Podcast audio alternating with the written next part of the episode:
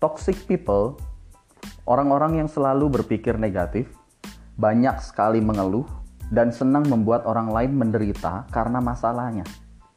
Pernahkah teman-teman melihat atau ketemu dengan orang-orang yang seperti ini? Dan bagaimana cara menghadapi toxic people ini?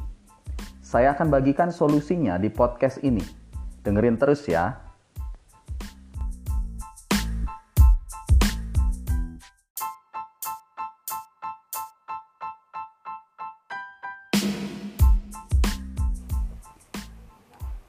Selamat datang di podcast Basic Life Support. Saya Dr. Denvin, seorang dokter dan praktisi hipnoterapis. Ini adalah tempat di mana saya berbagi cerita, inspirasi seputar kehidupan, relasi, mindset, dan apa pun juga yang dapat mendukung Anda untuk menjalani hidup dengan sehat dan positif. Ingat untuk follow, like, dan share ya.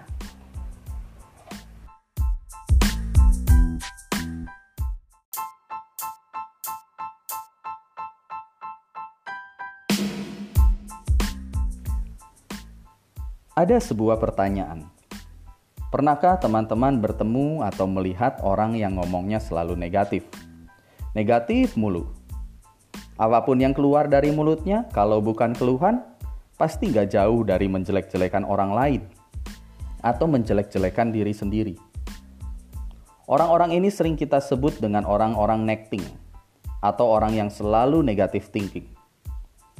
Bagi saya sendiri, Orang-orang tersebut saya sering sebut dengan toxic people atau orang-orang yang beracun. Ya, karena kalau kita tidak hati-hati, orang-orang tersebut dapat meracuni pikiran kita dengan kenegatifannya. Pada dasarnya orang-orang toksik ini adalah orang yang memang mempunyai masalah. Namun entah kenapa mereka nggak bisa menyelesaikan masalahnya atau mereka nggak mau menyelesaikan masalahnya tapi mereka lebih cenderung untuk membuat orang lain terlibat dan terjebak dalam masalah mereka. Biasanya orang-orang toksik ini memulai dengan curhat, ingin didengarkan, dan seperti meminta saran.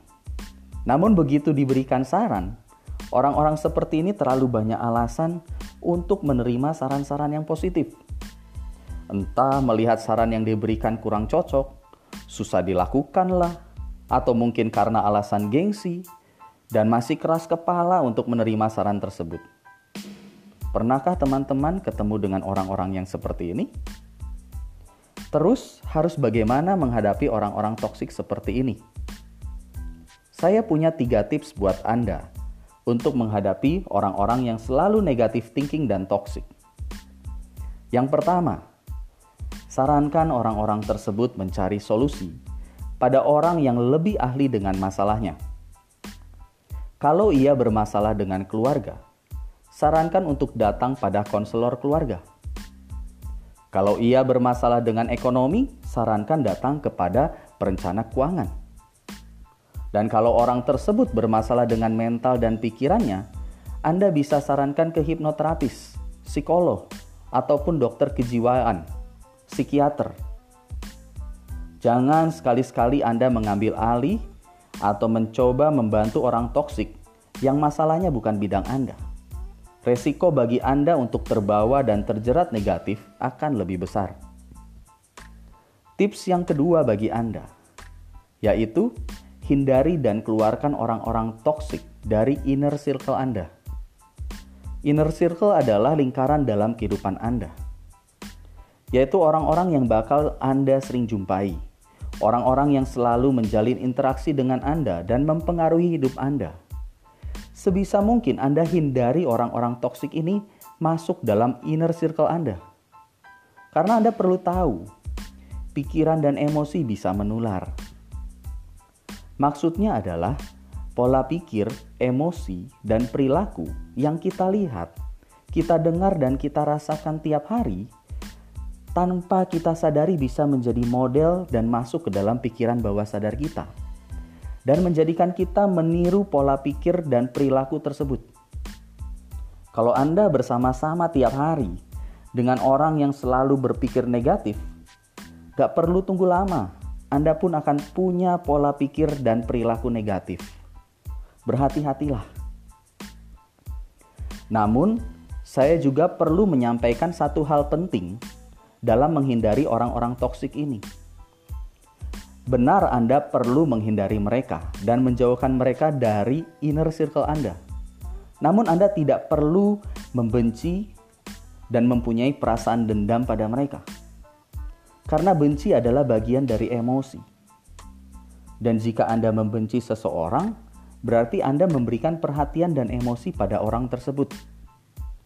Apabila emosi ini menjadi intensif, justru malah membuat Anda terikat dan tidak bisa move on dari orang toksik.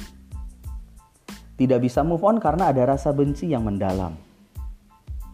Hati-hatilah, belajar untuk menghindari orang toksik ini dan tetap netral. Tapi kemudian ada juga yang bertanya pada saya, bagaimana kalau orang toksiknya adalah pasangan saya atau keluarga terdekat saya? Saran saya adalah segera bawa ke orang yang ahli pikiran dan mental.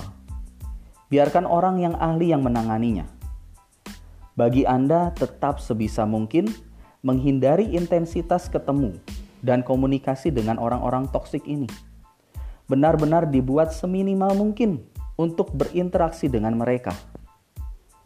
Dan tips yang terakhir, yang merupakan tips yang paling penting adalah walaupun toxic people ini adalah orang negatif, tetap ingatlah untuk selalu mendoakan mereka.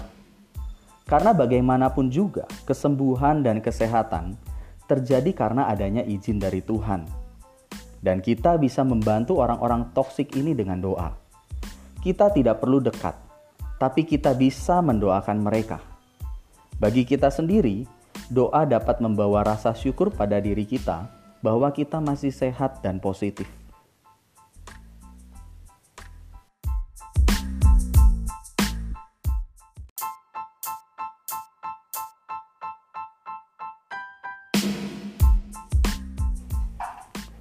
Oke, semoga bisa berguna. Anda bisa lanjutkan dengan mendengarkan audio mind charging saya untuk mengisi ulang baterai pikiran Anda dengan pesan-pesan positif. Sampai jumpa di podcast saya berikutnya. Salam sehat, sukses, dan bahagia.